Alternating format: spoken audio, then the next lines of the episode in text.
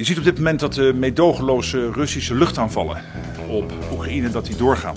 Op de steden, op de vitale infrastructuur, maar ook op de energievoorziening. Met militaire middelen blijven wij Oekraïne steunen in deze strijd. Je luistert naar de Mike High Club. We hebben nieuws. Ik heb eventjes eh, contact gehad. inmiddels. Hebben we niet, een, hebben we niet een, eh, een soort jingle daarvoor? Ja, dat doe ik wel eventjes. Ik wel Nieuws.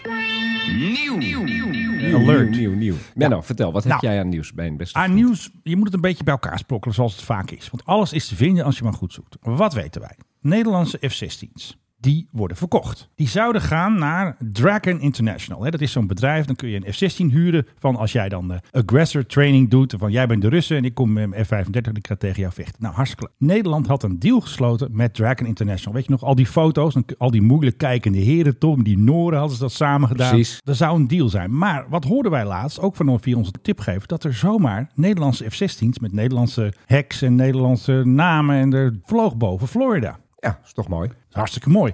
Maar wat blijkt nu? Die toestellen zijn nog niet afgeleverd aan Dragon International. En die zijn in Florida. Daar zijn gewoon nog Nederlandse piloten. Dat had ik bijna vliegers gezegd.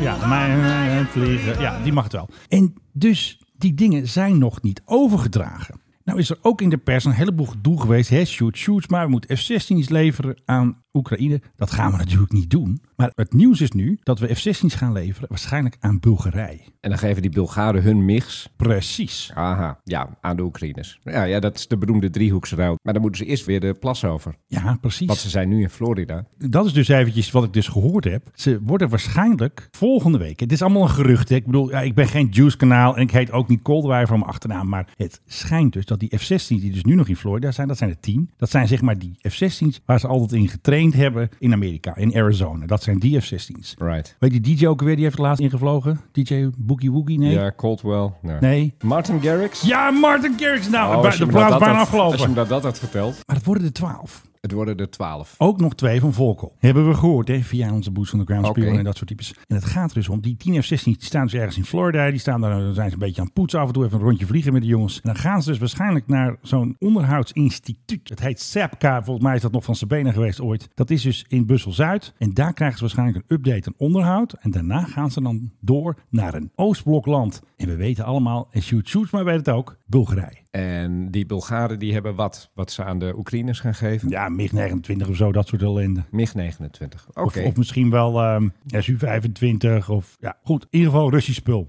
Ja, en dan kunnen ze dan tegen andere Russisch spul mee gaan vechten. Want eh, er wordt aardig gevochten boven Oekraïne op het ogenblik met eh, allerlei toestellen. Ja, precies. Dus waarschijnlijk gaan dus onze F-16's gaan naar Bulgarije. En de Bulgariërs die sturen wat Russische meuk naar Zelensky en zijn vrienden. Dus Nederlandse F-16's gaan naar Bulgarije. Ik durf het bijna stellig te zeggen. Nou, net niet klein slag om de arm, maar je kent mij. Ik hou wel van de slag om de arm. Ja, nee, laten we die vooral doen. Maar goed, het is duidelijk dat de Oekraïners die hebben spul nodig. En die kunnen, ja, ik zou zeggen, had ze een half jaar geleden op die F-16's opgeleid. Dan waren ze nu inzetbaar geweest. En ik kan Ja, je één ding vertellen. Die, Die zijn F-16, wel te duur voor hun. die waren, ja, maar goed, ja, daar hadden we wel een vorm voor gevonden. Ja. Kijk, die Bulgaren, die hebben al getraind. Die hebben dus van, volgens mij hebben die F-16's besteld. Of hebben ze ook ergens wat. In ieder geval zijn er al Bulgaarse piloten worden opgeleid voor F-16's. Dus die kunnen meteen aan de slag met de Nederlandse F-16's. Nou, als dat niet leuk is. En waar ging Rutte heen met de PRGOV? Die had weer zo'n eh Balkan-top. Ja. Misschien hebben ze ook wel eventjes dit eventjes Ja, ze, gehandje ze, zijn, ze zijn ook een beetje kwaad op hem, want hij houdt tegen dat Bulgarije onder andere in Schengen komt te zitten. En waarschijnlijk heeft Keizer nu een grote F-16 met een strikker omheen. En die gaat dan zo straks Als naar een, Bulgarije. goed, als een goed maakje voor de Bulgaren. Precies. Ja. Nee, onze laatste vliegers.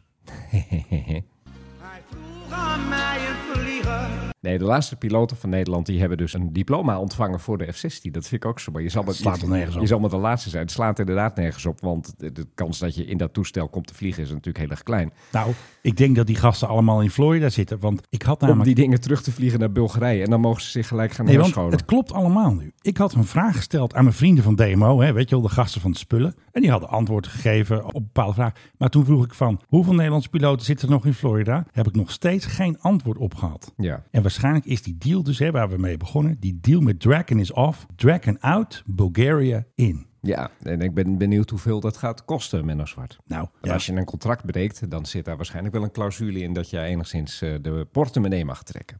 ja, maar misschien heeft Dragon zich wel niet aan bepaalde regels gehouden. Ja, dat zou kunnen. Maar het is best gek dat die deal zomaar is afgeketst. Ja. Want je zou denken, die hebben ze al lang al, want Martin Garrix is al een half jaar terug eh, van zijn tocht. Dit was de Mike High Club. We hope you enjoyed flying with us. Je kunt je natuurlijk ook abonneren via de Apple Podcast app, Spotify of de Google Play Music app. Dank voor het luisteren en tot de volgende podcast bij de Mike High Club. On behalf of the captain and crew, it has been our pleasure looking after you today. Our ground crew